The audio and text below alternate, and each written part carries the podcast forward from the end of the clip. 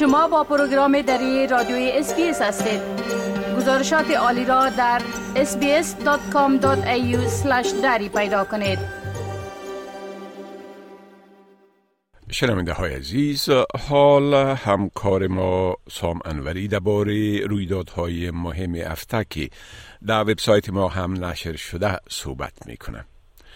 در وبسایت ما با آدرس sbs.com.au دری هر روز مطالب جالب و دانستنی در باره موضوعات گوناگون نشر میشه آقای انوری سلام عرض می کنم خب اولتر از همه اگر به صورت عمومی بگوین که در این هفته چی رویدادهای مهم در وبسایت ما به نشر رسید.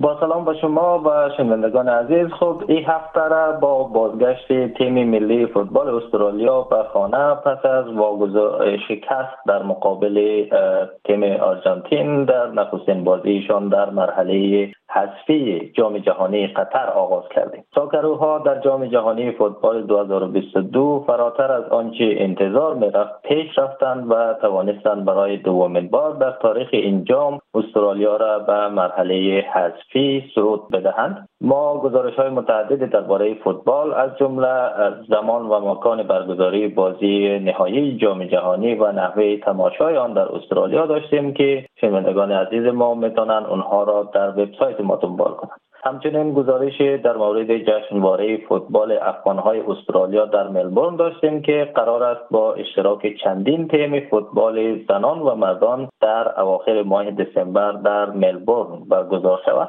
رویداد مهم هفته در داخل کشور افزایش نرخ سود بانکی برای هشتمین ماه متواتر از سوی بانک مرکزی استرالیا بود.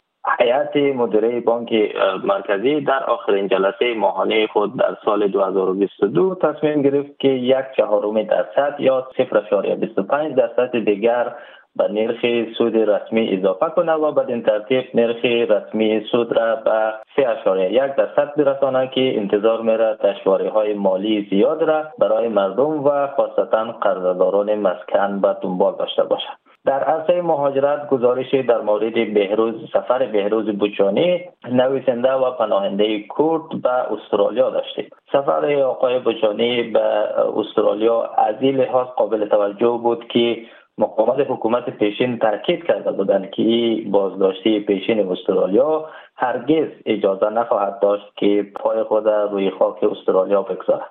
گزارش دیگری هم در مورد یافته های یک تحقیق تازه در زمینه زنان مهاجر و پناهنده در استرالیا داشتیم که در این گزارش از آنها به عنوان منبع دست نخورده نیروی کار یاد شده بود. همچنین این هفته گزارش تحقیقی دیگری در مورد فاصله گیری گسترده رای دهندگان استرالیایی از دو جناح سیاسی اصلی در کشور منتشر شد.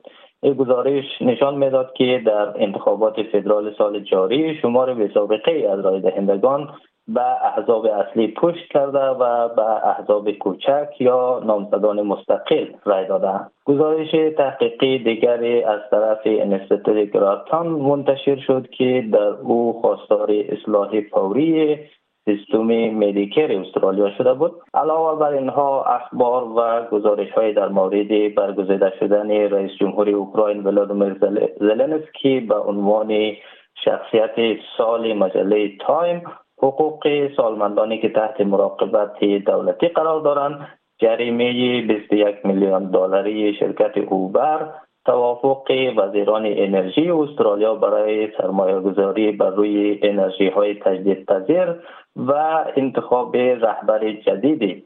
حزب لیبرال ویکتوریا داشتیم که شنوندگان عزیز ما می‌تونن اونها را در وبسایت ما دنبال کنند. بله خب از افزایش نرخ سود گفتین که طبعا این فشار بیشتر بر خانواده ها خواهد گذاشت و این پایان کار هم نیست. بله؟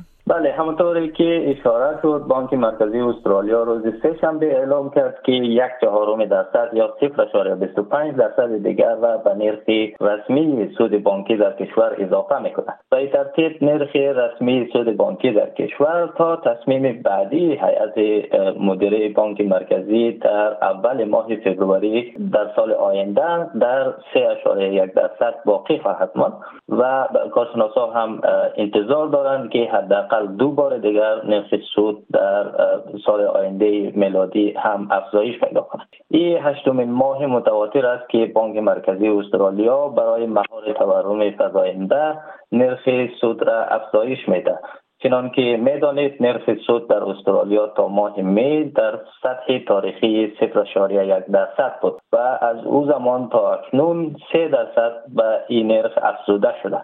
نرخ فعلی سود بالاترین نرخی است که استرالیا در طی یک دهه گذشته داشته. از سال 2012 به سو که نرخ سود در کشور 3.25 درصد بعد از این تصمیم بانک مرکزی اکثر بانک های قرض دهنده کشور اعلام کردند که نرخ جدید را به طور کامل به مشتریانشان انتقال میتن با این حساب در نتیجه این تصمیم بانک مرکزی خانواده ای که یک قرضه 500 هزار دلاری داره باید 75 دلار در ماه سودی بیشتر پرداخت کنند بله خب از تقاضا برای اصلاح سیستم میدیکیر گفتین میشه که در این باره یک مقدار تفصیلات بتین؟ بله چنان که قبلا اشاره شد انستیتوت گراتان این هفته در گزارش تازه خواستار اصلاح فوری سیستم مدیکر بر اساس گزارش از زمان بنیانگذاری مدیکر در سال 1984 نیازهای صحی استرالیایی ها تغییر کرده و تحول یافته. اما سیستم مدیکر همگام با این تغییرات تکامل نیافته است. مدیکر همان سیستم جهانی مراقبت های صحی استرالیا است که بخش یا کل هزینه های مراقبت های ضروری استرالیایی ها را پوشش میده گزارش میگه از آنجایی که کار طبیبان عمومی پیچیده تر شده آنها نیاز به نیازهای بیماران رسیدگی رسیدگی درست نمی‌تونند و از ارائه خدمات لازم عاجز هستند. انستیتوت در گزارش خود چند راه حل برای آوردن مدیکر به گفته آنها به قرن 21 پیشنهاد کرده و از حکومت کارگر هم خواسته که فورا این اصلاحات را روی دست بگیرد. یکی از راه حل های این است که کلینیک های عمومی باید به کلینیک های تیمی یا به کار تیمی تبدیل شود و توصیه می‌کنه که حداقل یک هزار کادر صحی اضافی مانند پرستار و فیزیوتراپیست در کلینیک های عمومی فعال در جوامع دارای نیازهای بالای صحی استخدام شوند راه حل دیگر همین است که مدل تمویل طبیبان عمومی از طریق سیستم مدیکر باید نو شود تا این طبیبا بتانه که در صورت ضرورت وقتی بیشتری را صرف مریضان دارای نیازهای بیشتر بکنند. بله خب بسیار تشکر آقای انوری از این معلوماتتان و فعلا شما را به خدا می سپارم. روزتان خوش. تشکر از شما خدا نگهدار.